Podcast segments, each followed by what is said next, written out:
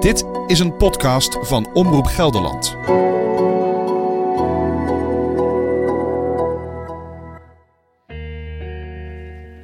Oh, hoe lang gaat het duren? Au.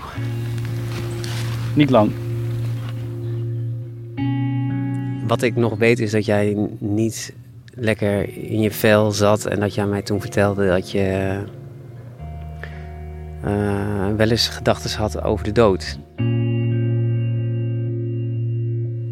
En dat ik toen daar wel van schrok, maar dat ik ook wel dacht: uh, goed dat hij, dat hij het vertelt. Ik kan me herinneren dat we erover gepraat hebben. Ik heb ook gehad over hoe concreet het, uh, het allemaal was, het plan. Kwam het onverwachts eigenlijk, dat ik het toen zei? Um, nou ja, wij, kennen elkaar natuurlijk al uh, een, een, behoorlijke tijd. Nou, ik weet, ik weet dat jij af en toe wel um, je ups en je downs hebt. Uh, en ik denk dat je toen wel echt een flinke downer had. En ik was in die zin niet, niet, niet verbaasd. Ja, ik kan me herinneren dat je wel wat. Je, je kwam wel neerslachtig over. En timide. En niet zo energiek. Soms wel ook kan zijn als je ergens een bepaalde passie voor voelt of iets dergelijks. En nu je was ja, je was wat te neergeslagen en met een beetje een doffe blik in je, in je ogen. Dus ik kon wel echt zien dat het wel menens was. Ik vond dat je super lief reageerde. Ik weet dus niet meer precies hoe ik reageerde. Ik wel. Heb je het opgenomen? ik heb hier het WhatsApp-gesprek nog van destijds, augustus 2012. Even kijken. Um, ik vraag hier, wat doe jij vanmiddag? Dan zeg jij... Kom zo even buurten, waar zit je? Dan na ons gesprek, uh, een paar uur later, dan schrijf je... Ah ja, ja, je bent een topper. Dit was in 2012. Ik heb er toen wel heel veel aan gehad. Het luchtte toen heel erg op om het gewoon iemand te vertellen.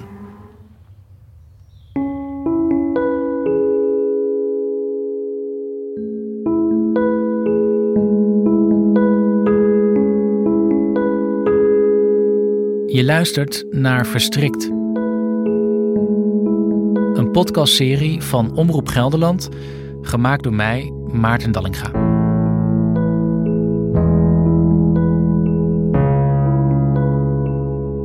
Dit is een verhaal over worstelen met het leven en verstrikt raken.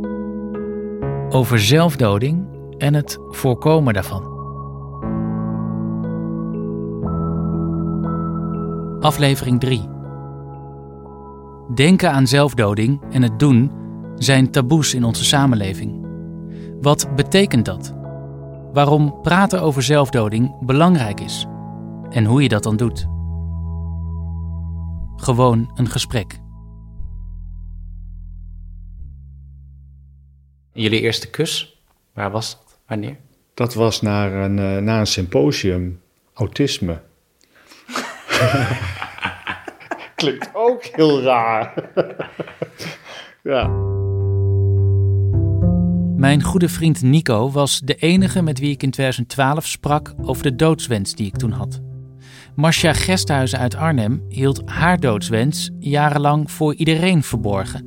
Ook voor haar partner Lex. Had ze maar wat gezegd, dan uh, ja, ik had zo graag uh, eerder willen helpen of uh, een oplossing zoeken. Marcia en Lex kennen elkaar sinds hun studententijd in Groningen, geneeskunde, lichting 1989. Toen al was Marcia suicidaal. Met terugwerkende kracht, waren er momenten die je je nog kunt herinneren waarvan je nu denkt: hé, hey, dat was een signaal wat ik dan niet heb opgepikt? Dat was eigenlijk al in Groningen zo. Heel af en toe was het gewoon heel moeilijk om, uh, om, om weg te komen, want dan werd ze verdrietig of uh, ja, heel claimend, uh, leek wel. Wat deed ze? zeggen dat, dat ze het zo vervelend vond dat ik wegging. Dat begreep ik eigenlijk nooit zo goed. Maar ja, nu begrijp ik dat wel. Want ja, als, je, als je niet goed voelt en, en dan gaat zwerven door Groningen, door de stad, ja, dat is natuurlijk niet goed had ze maar wat gezegd, dan ja. In 2014, na 25 jaar relatie, doet Marcia dat alsnog. Nou, we zijn uh, hier in het bos achter ons huis. Overal waar je hier loopt, loop je op smalle paadjes. Ik heb hier veel met Lex gelopen. En die smalle paadjes die hebben mij eigenlijk heel erg geholpen. Dus je bent al, uh, al gedwongen om uh, achter elkaar te lopen. Ja, zo uh, hebben we eigenlijk altijd de gesprekken gevoerd. Ja, ik liep voor en had dus geen last tussen aanhalingstekens van mogelijke blikken of wat dan ook. En ik kon gewoon mijn verhaal vertellen. Ja, dat, dat praat gewoon veel fijner.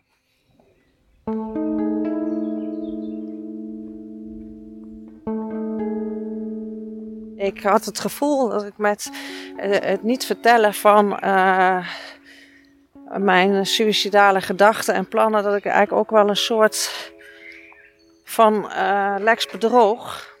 Dus ik, ik wou daar toch wel iets over zeggen, maar ik vond dat ook heel erg moeilijk.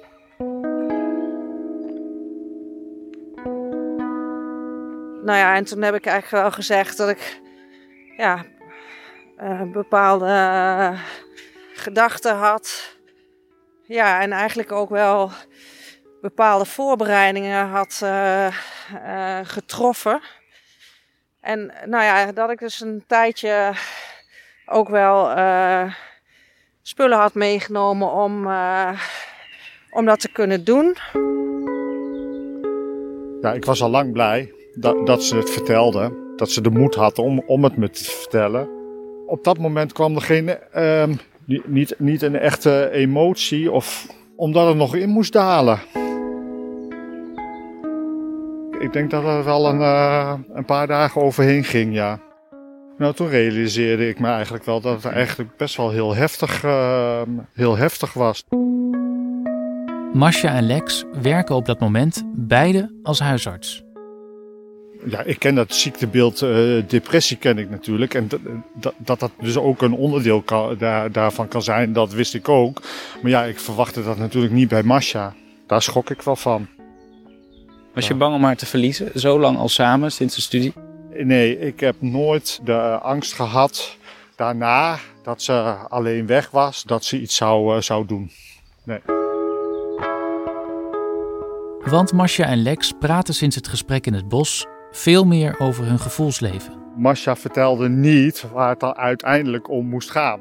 En nu is dat wel meer. Ze is daar wel meer opener in. Ik denk wel dat we toch wel meer oog hebben gekregen voor hoe het met ons gaat, hè? hoe het met de ander gaat. Um...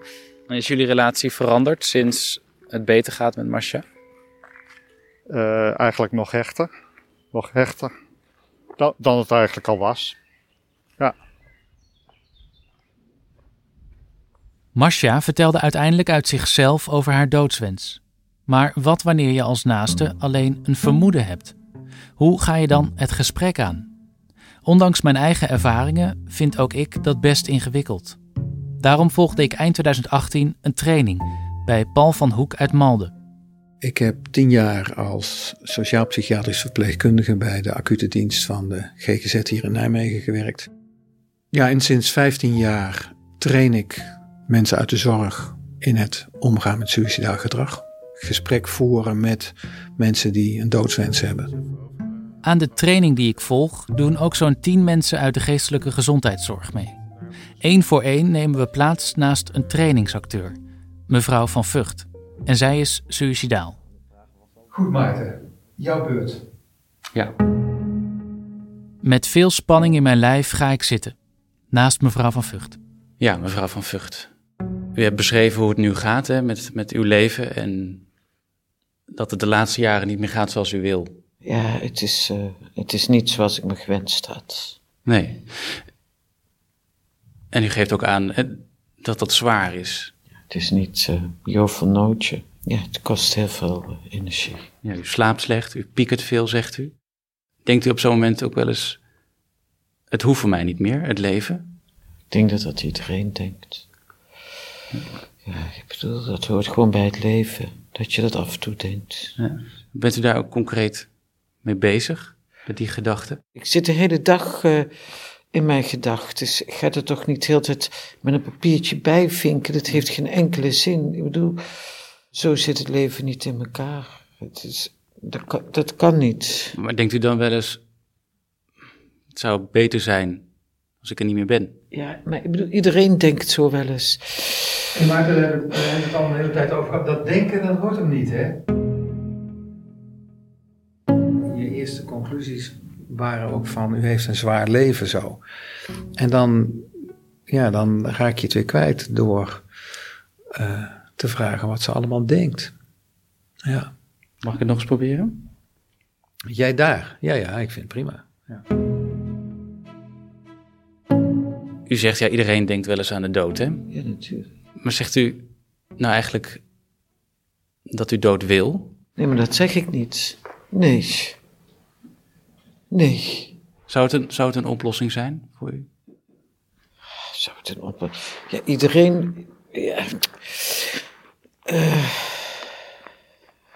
Het is inderdaad veel moeilijker hier daar. Ik kom er niet uit, Paul. Nee, ik dacht, oh ja, komt goed. Komt goed, ja.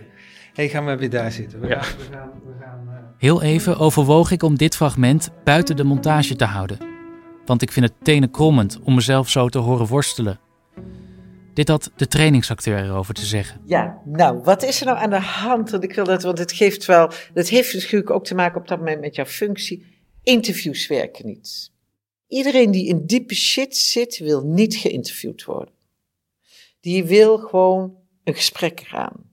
Met gelijkwaardigheid. Allebei een stukje dat dal door. De, mevrouw van Vuchters die vertelt, gaat ook een dal door. Maar van degene die naast het heeft, die hoeft niet helemaal mee.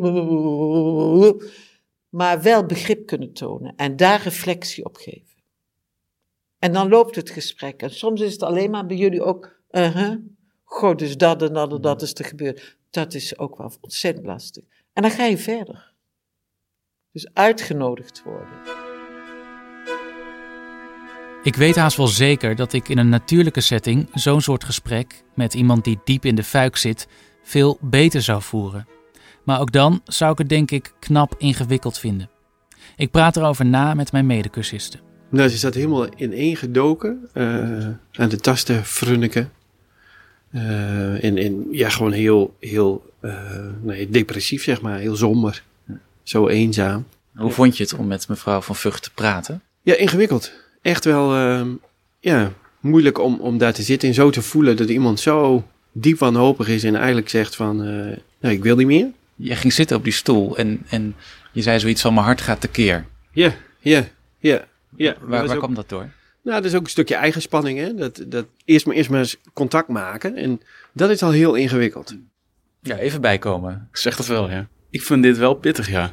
Omdat je, uh, je bent aan het analyseren wat uh, iemand zegt.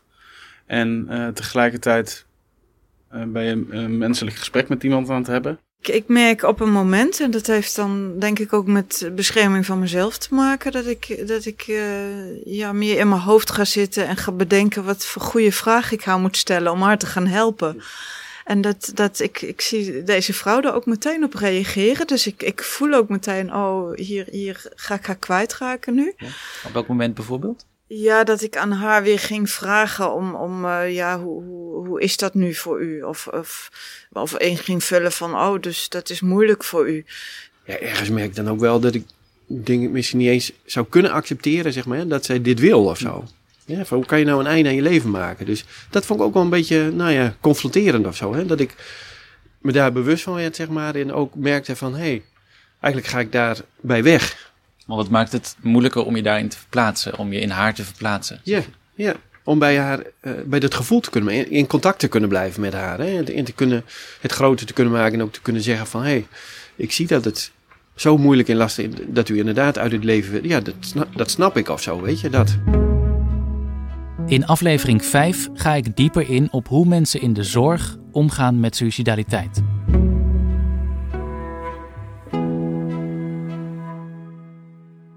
Wat maakt praten met iemand die niet langer leven wil nou toch zo moeilijk? Bij dit onderwerp is het lastig, denk ik, omdat het over leven en dood gaat. En dat het dus ook raakt aan je eigen eindigheid en aan je eigen onzekerheden. En uh, ja, dit was uh, geen uitzonderlijke groep. Nee, als het gaat over de gêne die er is om het onderwerp suïcide expliciet onder woorden te brengen, die gêne zie je eigenlijk heel breed. En ook dat er een aantal mensen zijn waarbij het nou, heel dicht raakt aan hun eigen verhaal, dat zie je ook uh, regelmatig. Als mensen dood willen, dan komen ze in een gebied terecht wat een taboe is. En niet zo'n taboe van, uh, oh het mag niet, dus we doen het lekker toch.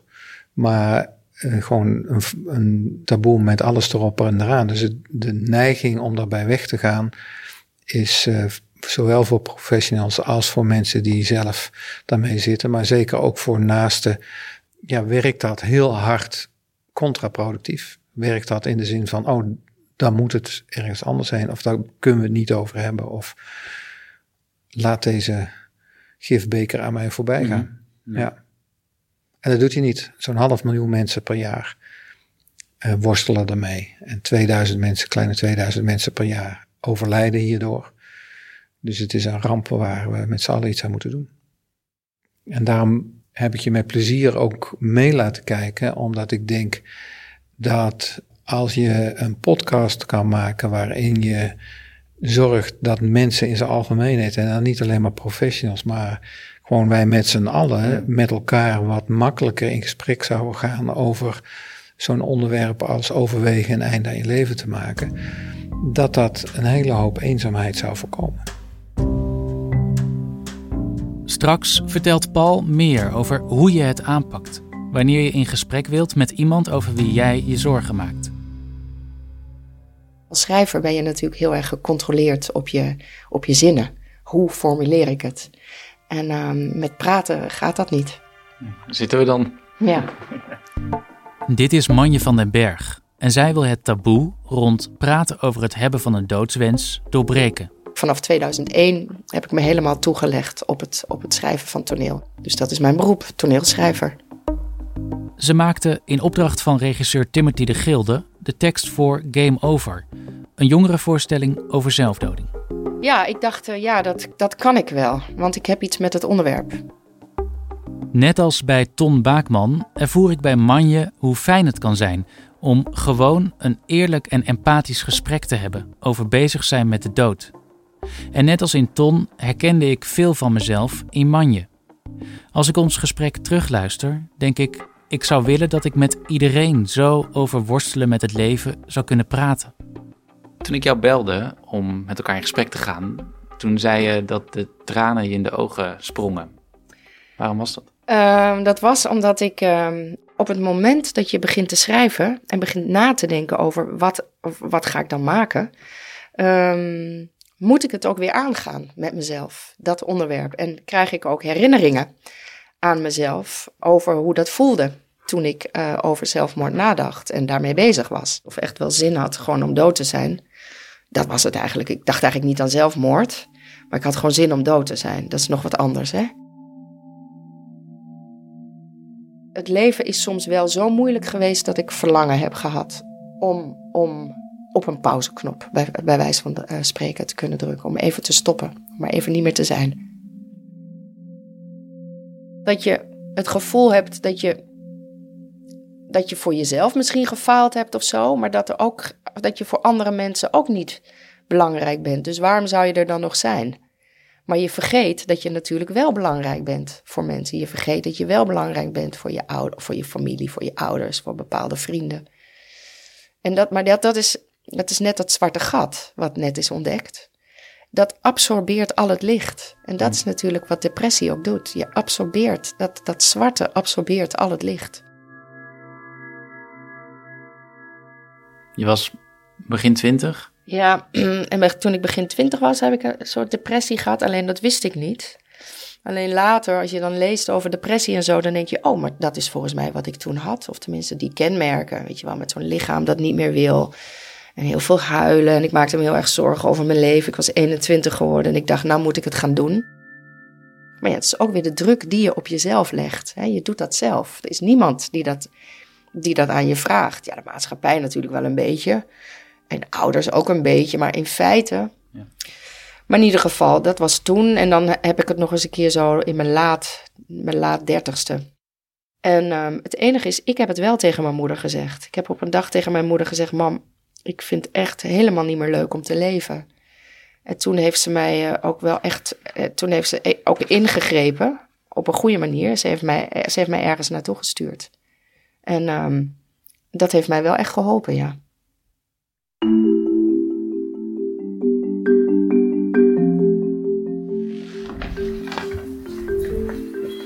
De kinderen hadden er niet zo'n zin in.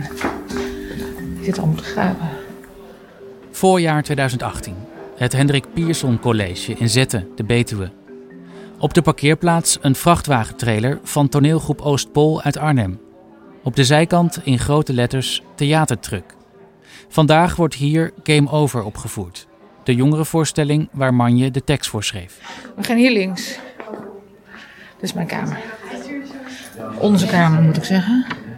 Je hoort Helen van Wel. Ik ben hier op deze school, het Hendrik Pierson College in Zetten, docent Engels al voor mijn 33ste jaar. Ik ben coördinator van het wetenschappelijk onderwijs. Ik ben coördinator van VWO 456. En ik ben de coördinator van toneel. En Helen haalde Game Over naar de school. Eén mentor heeft al wat verteld in de les. En bij CKV is ook wat verteld. En naar aanleiding daarvan zeiden twee meisjes die durven er niet meer heen. Maar wij denken dat juist voor deze twee meisjes het heel goed zou zijn ja. als ze erheen zouden gaan. Van hé, hey, ik voel me wel heel slecht, maar ik hoef niet zo te eindigen als dat meisje. Omdat, en misschien juist door de dingen die in de voorstelling gezegd en gedaan worden. Welke klassen gaan er naartoe vandaag? HAVO 4 en VWO 4. Dus ik ben benieuwd. Hoe gaan de leerlingen reageren op Game Over? Het thema zelfdoding is heel actueel op de school, vertelt Helen. Als ik in mijn eigen mentorklas kijk, dan heb ik uh, daar zes leerlingen in zitten. Zes of zeven zelfs. Die allemaal hier last van gehad hebben. En die allemaal regelmatig uh, uh, zich heel ellendig voelen. Um, en inderdaad soms zo ellendig dat ze wel eens denken van... nou, misschien moet ik maar uitstappen. Ze zeggen nu allemaal, ik ben blij dat ik het niet gedaan heb. Maar ze hebben zich zo wel gevoeld. Ik schrik daarvan zes of zeven Ja, die of hebben gedacht aan, aan... Ja, maar ik denk dat het wel... Ja, weet je, op het moment dat ze zich niet goed voelen... heb ik gemerkt, speelt, komt dat al gauw een keer in hun gedachten op.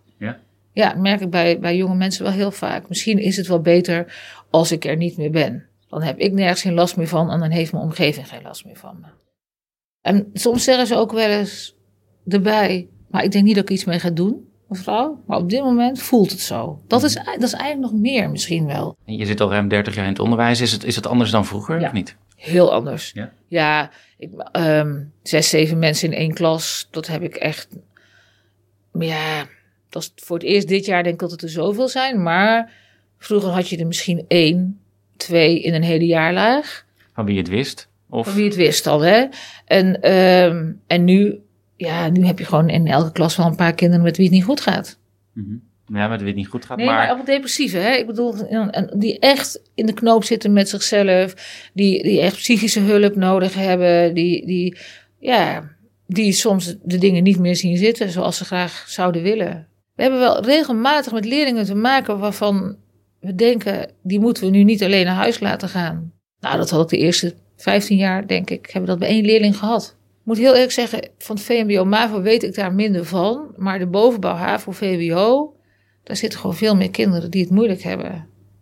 En ja, ik heb nu een VWO 4-klas waarvan ik denk, hé, hey, dat is voor het, dat is lang geleden dat ik een VWO 4-klas heb waarvan ik denk, nou, dat lijkt het wel goed mee te gaan. Dus als de huidige V5 is het alweer anders als je daar naar kijkt. Wat Helen vertelt is in lijn met onderzoek.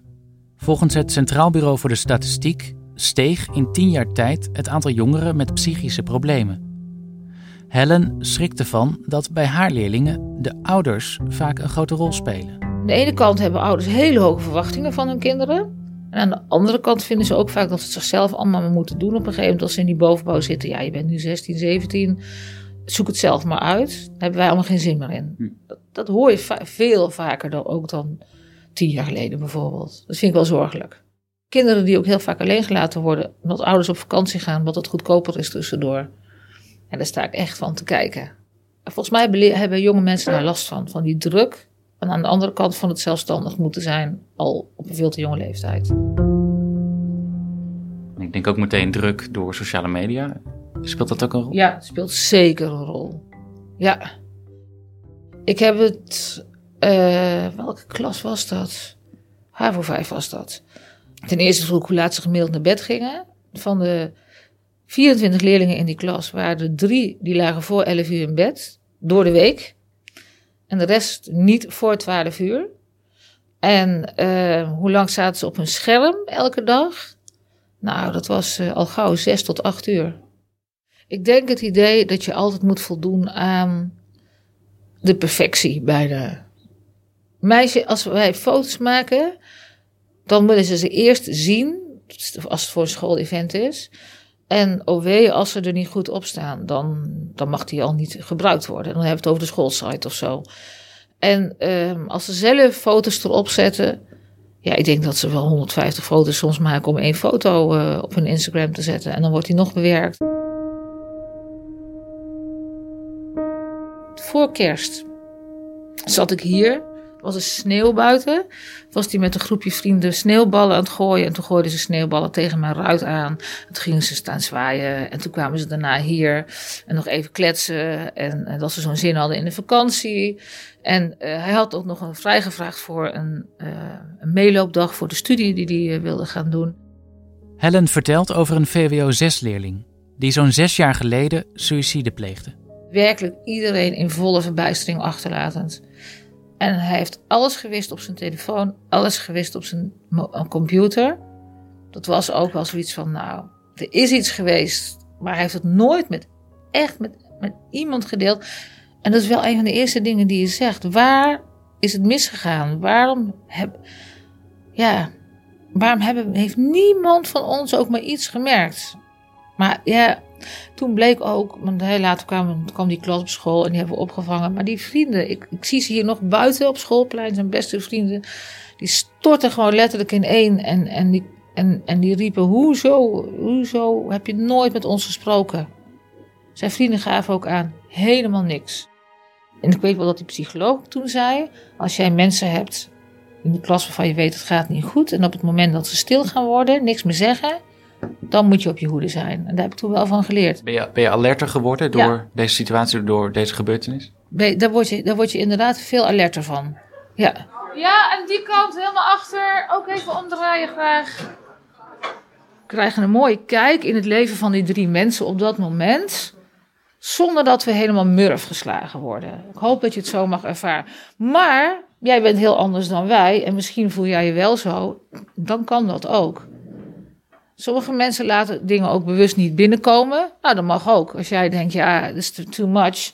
Ik hou een beetje afstand. Moet je dat gewoon doen, hè? Dan moet je denken van, ja, oké, ik, ik wil dit en tot hier en niet verder. Maar je hoeft niet bang te zijn dat je daar zit en dat je helemaal denkt van, oh wat zwaar, oh wat zwaar. Want zo zal het zeker, ehm, dat is ook niet de bedoeling van het stuk.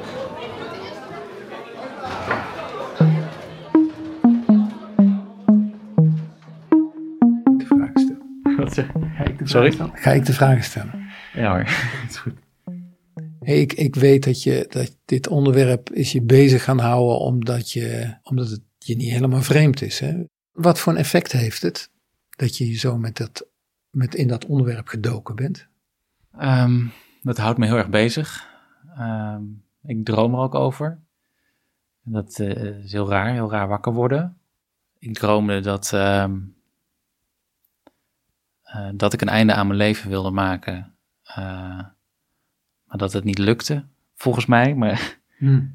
eh, godzijdank is het ook wel weer een beetje uit mijn, uit mijn hoofd, uit mijn herinnering nu. Ja. Zulke dromen zijn behoorlijk heftig, ja. Word je banger van jezelf door dat soort dromen of door met het onderwerp bezig te zijn? niet zozeer banger, maar het ehm, brengt me soms wel een beetje in verwarring, Hmm. geloof ik. Ehm, En waar ben je dan over in de war? nou, ik sta wel voor mezelf in. Niet wel, maar ik, ik sta voor mezelf in. Mhm. Maar ehm,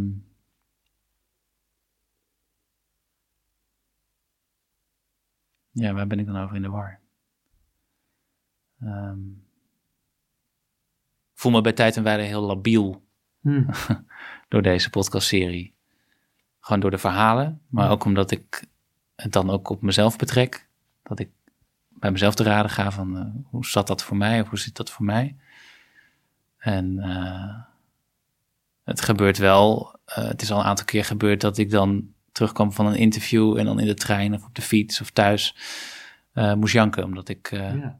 ik moet het dan kwijt, de emotie. Ja. Dus ja, Je noemt het labiel en dat klinkt eigenlijk heel negatief, maar het raakt dus. Het, het, het levert allerlei emoties op als je met dit onderwerp bezig bent. Ja, en letterlijk ook een, een, een, een zwaar hoofd, Hm. zo, hoofdpijn. En dus het uitzicht ook fysiek. Vind je dat erg? Nee, ik Nou. geloof dat het nodig is om, eh, omdat ik anders de serie niet kan maken zoals ik het wil maken. Dus ik moet het ook doorvoelen, vind ik. Anders kan ik nooit iets maken wat echt is en wat, wat tot de kern komt. En dat is dan puur het journalistieke en wat ik als maker voel.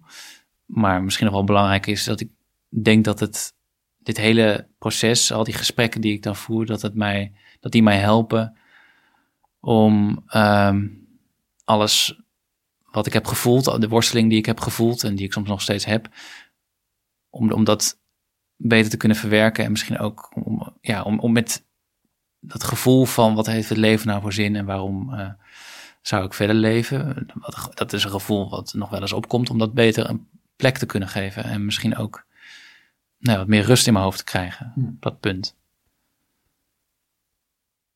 Met elkaar praten dus. Daar gaat het om. Ik heel vaak hoor, is dat mensen zeggen van ik begin er maar niet over, want misschien breng ik iemand wel op een idee. Nou, dat laatste, daar weten we van dat dat echt onzin is. Hè? Dat, dat het enige wat echt gevaarlijk is, dat als je vermoedt dat iemand dood wil, is er niet over beginnen. Het is levensreddend om er wel over te beginnen. Het kan zomaar zijn dat er iemand in jouw eigen omgeving is, over wie jij je zorgen maakt. Hoe pak je een gesprek dan aan? Ik praat erover door met trainer Paul van Hoek. Wat ik heel vaak zie gebeuren is dat in de training mensen bezig zijn met vragen als van, eh, maar waar denk je dan aan? En wordt het dan heel zwaar voor je? Of ja, denk je dan ook aan rare dingen? Wat zijn rare dingen? Ja, precies. Ik noem dat de hang yourself methode. Hè. Dus, dus je gaat omtrekkende bewegingen maken. Je gaat proberen om dingen te vragen op basis waarvan iemand, als het zo is, kan zeggen van ja, ik wil een einde aan mijn leven maken. Nou, dat doet bijna niemand. De training heet eigenlijk, zegt u dat u dood wilde. En, en ik denk dat het zo simpel is. Dat je op het moment dat je reden hebt om aan te nemen dat iemand uh, in zo'n proces zit, of, of er tegenaan hangt, dat je zelf concludeert dat dat zo is. Als iemand hartstikke ja. gesloten is, niets van zichzelf wil laten zien, hoe bereik je iemand en, en krijg je die informatie eruit waarna je die conclusie kan trekken? Nou ja, wel ingaan op wat iemand zegt en dat je daarop doorvraagt. Dus iemand die uh, heel terughoudend is hè, met het geven van informatie, dat kun je ook samenvatten en zeggen van god, ik merk dat u het lastig vindt om hierover te spreken. Wat houdt u tegen? En dan kan je alweer een slag verder gaan. Of uh, iemand die, nou ja, eigenlijk, eigenlijk alleen maar hele cynische of hele uh, nageestige of hele moedeloze, wanhopige opmerkingen maakt. Daar kan je op de inhoud blijven ingaan. Maar je kunt ook op een bepaald moment samenvatten van God, ik merk wel dat u heel hopeloos uh, bent over dit onderwerp. Heeft u enig idee hoe u hieruit kunt komen? Dus, en wat nou als je het mis hebt? Stel, een, een, een goede vriend of vriendin van je, die zit niet lekker in zijn vel. En je hebt het idee, nou, die zouden misschien wel eens een einde aan willen maken. Maar ja, misschien denk je wel, ik durf die vraag niet te stellen. Want uh, stel je voor dat dit de, de vriendschap gaat kosten. Want misschien heb ik het wel helemaal mis en voelt iemand zich volkomen beledigd. Ik kan me dat bijna niet voorstellen. Ik kan me niet voorstellen dat iemand zich beledigd voelt als je je afvraagt of iemand een einde aan zijn leven wil maken. Ik kan me wel voorstellen dat je er helemaal naast zit. En dat, dat je tegen iemand min of meer concludeert of, of bedenkt van, van hey, is dat aan de, aan de orde? Dat iemand zegt, hoe kom je daar nou bij? Nou, geweldig. En dan mag je wat mij betreft ook best nog een beetje achterdochtig zijn en denken van, ja, jij, jij houdt de schone schijn op, maar dan houdt het ook op. Ik bedoel, op het moment dat iemand gewoon um, stellig is van nee, dat is niet aan de orde, dan is het niet aan de orde, punt. Dus als je hebt vastgesteld, die doodswens, die is er, wat moet je dan doen als een naaste van je die doodswens heeft? Dat je je afvraagt van hoe ver ben jij al verstrikt in dat idee? Hoe ver ben je ingezogen in de fuik, om het zo maar te noemen? Dat zou goed zijn om dat onderwerp van gesprek te laten zijn. En ja, handvaten die daarbij zitten is van in hoeverre kan iemand ook nog aan andere dingen denken. Uh, waarbij twijfel over of dit nou de beste oplossing is, belangrijk onderwerp is. Maar vooral ook van hoe bang is iemand voor zichzelf. Is iemand zelf bang dat hij ook echt tot acties overgaat? En wanneer is dat dan zo? Probeer ook goed in kaart te brengen wat de achterliggende redenen van een doodswens zijn. En waarbij ik denk dat het heel erg wezenlijk is om je te realiseren dat dat nooit één ding is. Mensen zijn nooit om één ding suicidaal. Het is altijd een hele waslijst. En soms weten mensen het zelf ook niet helemaal precies. Maar is het wel goed om daarbij stil te staan. En wat daar wel bij helpt om, is om de natuurlijke neiging te onderdrukken om meteen dat weer goed te praten. Dus eh, op het moment dat iemand zegt van ja, ik heb zoveel schulden, daar kom ik nooit meer uit. Ik wil dat niet meer dan is het niet zo behulpzaam om te zeggen van, oh, dan gaan we een bewindvoerder voor je zoeken en uh, een uitkering of je krijgt van mij geld. Of het, het, oplossen is niet meteen wat het meest voor de hand ligt. Maar vooral gaan kijken wat nog meer, wat nog meer. Hè? Wat zijn nog meer dingen die maken dat je eruit wil. En als je dat, het idee hebt van, nou, nou heb ik daar het beeld van, nu snap ik wat er allemaal meespeelt dan is het denk ik ook goed om te kijken wat houdt iemand nou tegen? Wat houdt je nog bij het leven? Nou ja, ik denk dat het goed is om, om die te horen en misschien zelfs soms een streep onder te zetten. Want mensen die ver gevorderd zijn in een suicidaal proces, die hebben de neiging om al dat soort dingen weg te strepen en om dat weg te doen. Hè. Dus, Wat bedoel je weg? Nou ja, het is makkelijker om niet aan je familie en aan je vrienden te denken. Dat maakt het makkelijker om uit het leven te stappen. Dus als iemand zegt van, van uh, ja, ik vind het ook wel lullig om het jou aan te doen, dan voel je dan vooral heel erg gestimuleerd om uit te leggen dat je dat ook heel erg lullig vindt. En dat je iemand niet wil missen. En dat je heel graag wil dat er een andere oplossing komt dan, uh, dan suïcide. En dat je bereid bent om daarin mee te denken en, en mee hulp te zoeken om iemand te vinden van buitenaf als dat nodig is. Ik kan me ook voorstellen dat iemand denkt, ik ga me helemaal niet aan dit gesprek wagen. Ik ga met uh, mijn vriend of vriendin direct naar de huisarts. En uh, huisarts, succes ermee. Nou, stap 1, als je zelf niet weet hoe je eruit moet komen, is het heel erg verstandig om hulp te zoeken. Stap 2 die je suggereert en weg ermee, is eigenlijk een hele gevaarlijke. Dus laat iemand niet los, zorg dat je wel hulpbronnen zoekt, maar zorg wel dat je erbij blijft. Ik vraag ook aan Marcia naar haar advies als ervaringsdeskundige. Als je weet dat suicidaliteit in iemands hoofd zit af en toe, weet je, vraag er dan ook gewoon naar van, hè, hoe is het nu? Zit het nu ook in je hoofd? Uh, heb je er last van? Uh, hij maakt dat gewoon, uh, maakt dat gewoon bespreekbaar. En is er ook iets wat je absoluut niet moet vragen aan iemand met suicidale gedachten? Zeg niet van die dooddoeners als morgen weer een nieuwe dag, nieuwe kansen. Uh, uh, na regen komt zonneschijn. het wordt alweer beter. het wordt wel weer beter. Als je, de, de, als je de dalen niet kent, kun je de pieken ook niet kennen. Weet je, dat zijn allemaal van die van die dooddoeners. Uh, Wat is het effect op iemand die suicidaal is? nou, weet je, ik weet ook niet of dat altijd hetzelfde is. Maar bij, bij, bij mij is het dan wel van... nou, dan weet ik gewoon echt zeker van... je hebt er gewoon geen s'nachts van begrepen. Terug bij het Hendrik Pierson College in Zetten. Waar twee HAVO-4-klassen de trailer van Game Over binnenstappen.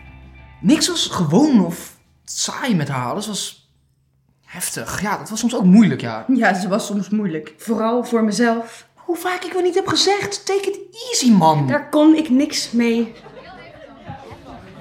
Komen nu uit de trailer. We lopen weer naar school uh, voor de nabespreking. Ja, ik zag ze heel wisselend reageren.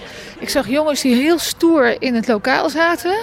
Die zaten iets rechts van mij. Die waren helemaal meegenomen in de voorstelling. Vond ik wel mooi. En de meisjes naast mij die waren heel erg geraakt. Ik weet niet of je dat gezien hebt. Die hebben op een aantal verschillende momenten echt zitten huilen. Maar die zeiden daarna, want die deelden hun moment met mij, dat ze het alleen maar fijn vonden. Ik dacht dat jullie mij niet meer leuk vonden. Te stil en teruggetrokken. En ik heb me inderdaad teruggetrokken. Ik raakte de connectie met de mensen om me heen kwijt. Als dit allemaal echt waar is. Als iedereen zo zeker van zichzelf is, dan ben ik dus crazy en hoor ik hier niet thuis. Dacht dat dit de oplossing was. Als ik pauze had kunnen nemen, dan had ik dat gedaan, maar het leven kent geen pauzeknop. Die kent alleen maar on en off. Dus werd het off. Uh, lieve mensen, we gaan het niet heel lang meer maken, don't worry. Uh, er zijn een paar mensen, heb je misschien zelf ook gezien, die zijn overstuur. Uh, dus meneer Koopmans even achteraan, daar gaan wij zo wel even mee praten. Uh, dan weten wij ook niet waarom op dit moment. Ja, je weet niet waarom iets zo binnenkomt. Maar ik wil wel graag even van jullie weten of je het de moeite waard vond om er op deze manier zo een keer mee in aanraking te komen, over na het nadenken gezet te worden. Nou, kom op, reacties. Jullie zijn zo stil. Wat vind jij? Uh, het is leuker dan normale les, denk ik. Dus het komt misschien wel beter binnen bij mensen van onze leeftijd op deze manier. Nou, ik heb er nou ook weinig mee te maken. Maar als je ooit zo voelt, dan ga je er wel over nadenken. Denk jij dat El zichzelf als een mislukking zag? Nee, ik denk het wel. Het verbaast me dat de leerlingen zo stil waren, zegt docent Helen van Welmen na afloop. Ik blijf achter met op mijn netvlies het beeld van een leerling in de trailer die steeds knipperde met zijn ogen en trok met zijn lippen. Ik werd op het laatst geregeerd door hele heftige negatieve dwanggedachten die ik niet meer in de hand had. Je bent vermoord. Ja? Door die dwanggedachten. Maar dat ben ik toch zelf? Je bent vermoord door jezelf. Ja. Dat zouden we moeten zeggen in plaats van zelfmoord. Je bent vermoord door jezelf.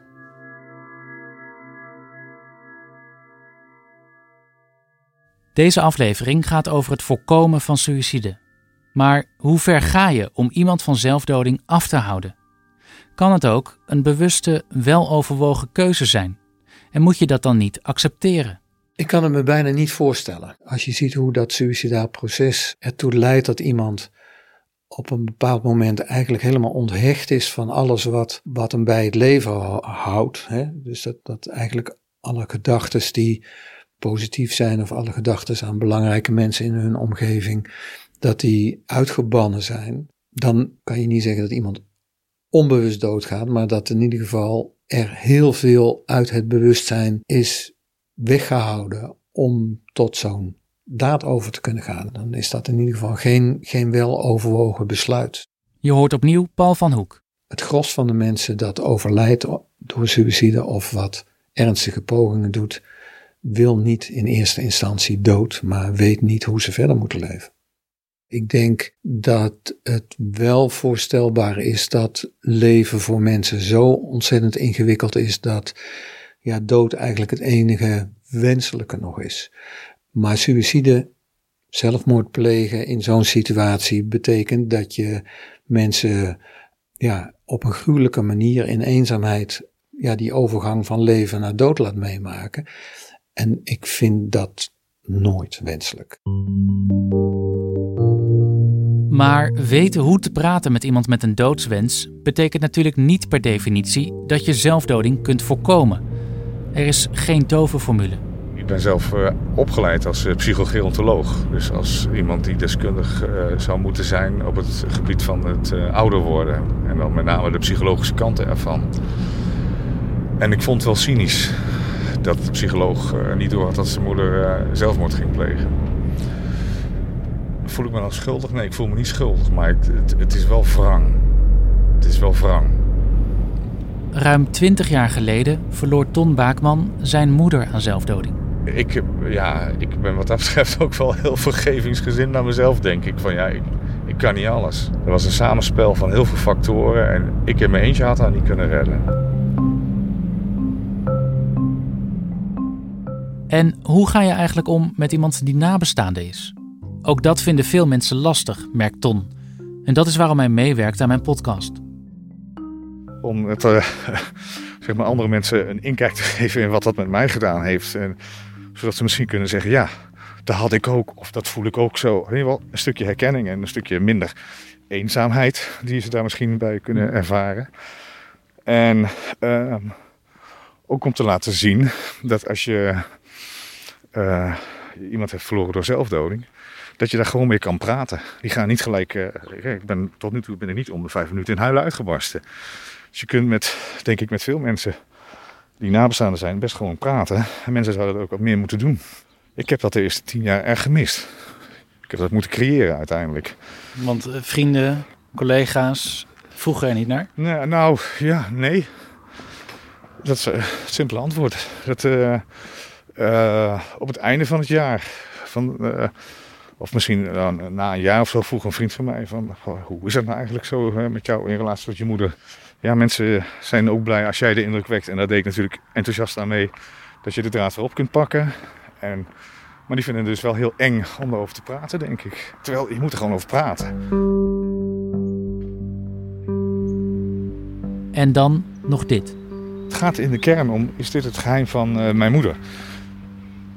Ton vermoedt dat hij een andere vader heeft. En dat zijn moeder, Aleida Henrika, niet langer met dat geheim leven kon. Hij vertelde er uitgebreid over in aflevering 2. Kort geleden hebben Ton en zijn broer hun DNA laten onderzoeken. Een paar weken na onze eerste ontmoeting is het nu. We zitten in het Kronenburger Park, Nijmegen.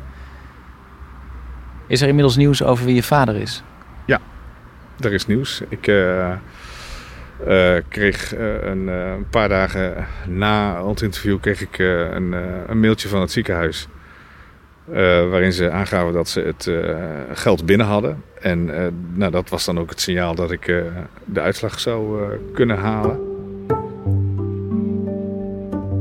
Ton besluit om samen met zijn zoon nog diezelfde dag naar het ziekenhuis te gaan. Ja, dat was wel heel spannend, ook wel. Dat, uh, ja, daar, daar, hing wel wat van af. Ook wel een beetje mixed emotions, want je weet niet wat de uitslag is. En, en uh, nou, zul je zien dat we gewoon broers zijn. Wat, wat, heb ik met mijn hoofd gehaald, weet je wel. dus ik in de auto met hem en met mijn zoon. En um, ja, samen het ziekenhuis ingelopen. En een hele vriendelijke mevrouw, die overhandigde mij de brief. Zeg maar op 10 meter van het plek waar ik die brief, ik had hem gelijk opengescheurd, zeg maar.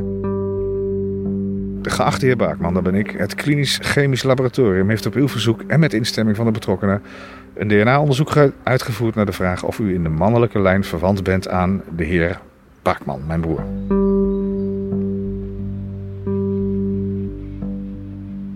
Conclusie: de resultaten zijn indicatief voor verwantschap in de mannelijke lijn met als waarde 99,997 procent.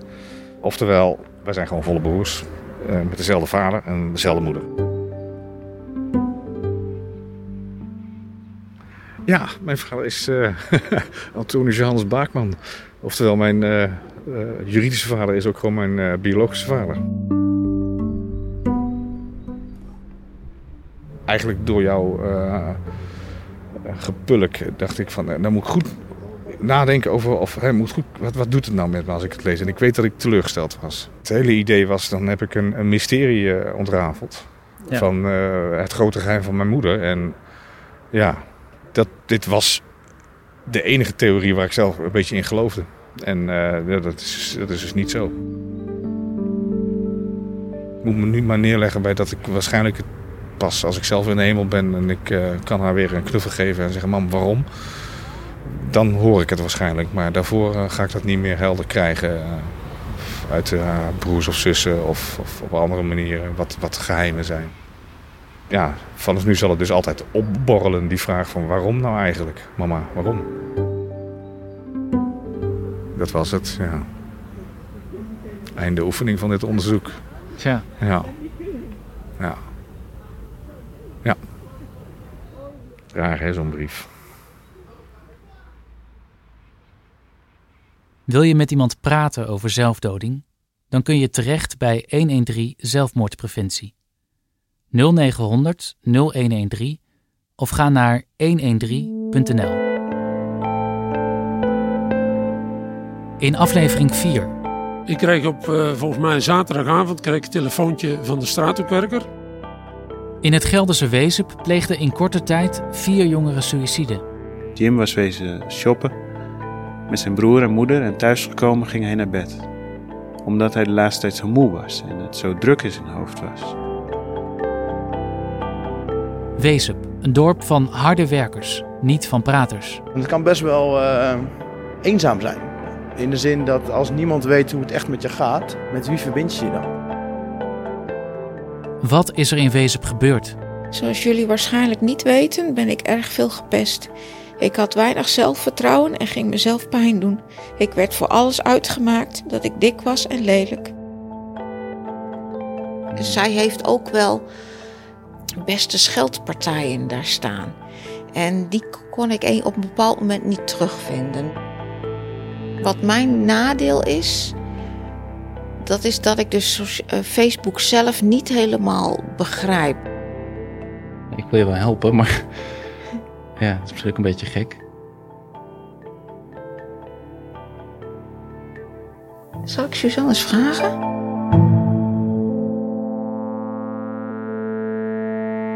Je luisterde naar de derde aflevering van Verstrikt.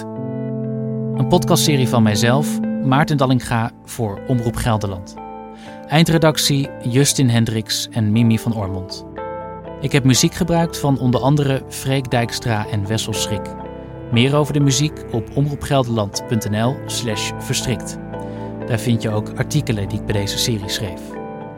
Wil je reageren? Dan kun je mailen naar verstrikt.gld.nl of stuur een WhatsApp audiobericht naar 06 1093 4448. Een aantal reacties hoor je terug in de bonusaflevering. Vind je het net als ik belangrijk dat zoveel mogelijk mensen deze serie horen? Laat dan een recensie achter in je podcast-app of plaats een aanbeveling op sociale media. En abonneer je om automatisch de volgende afleveringen binnen te krijgen. Bedankt voor het luisteren.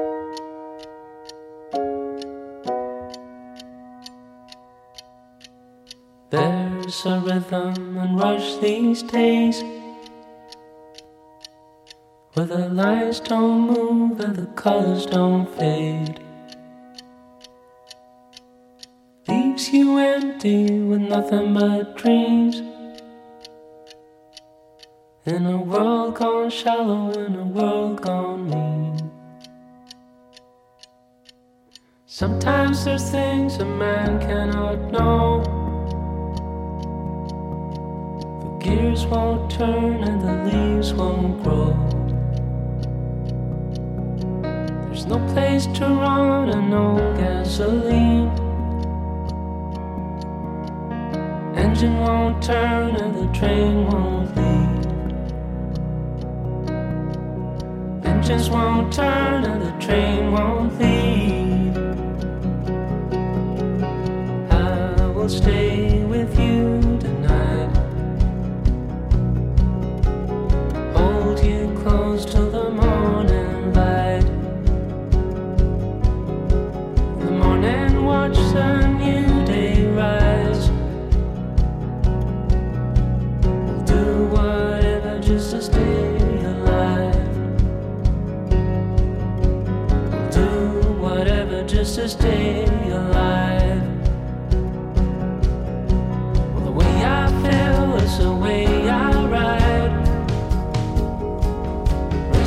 the thoughts of a man who lies. There is a truth and it's on our side. Dawn is coming, open your eyes. Look into the sun as a new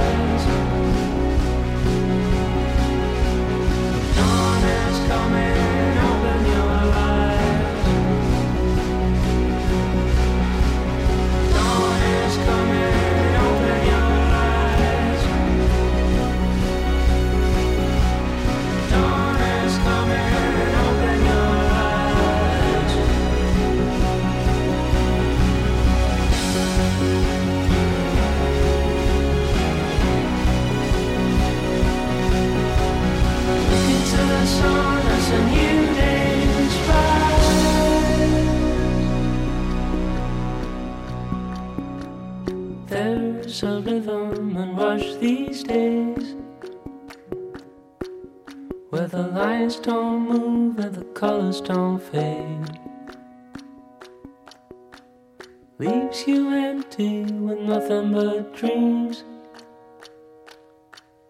In a world gone shallow, in a world gone mean. But there is a truth and it's on our side. Dawn is coming, open your eyes. Look into the sun as a new day's rise.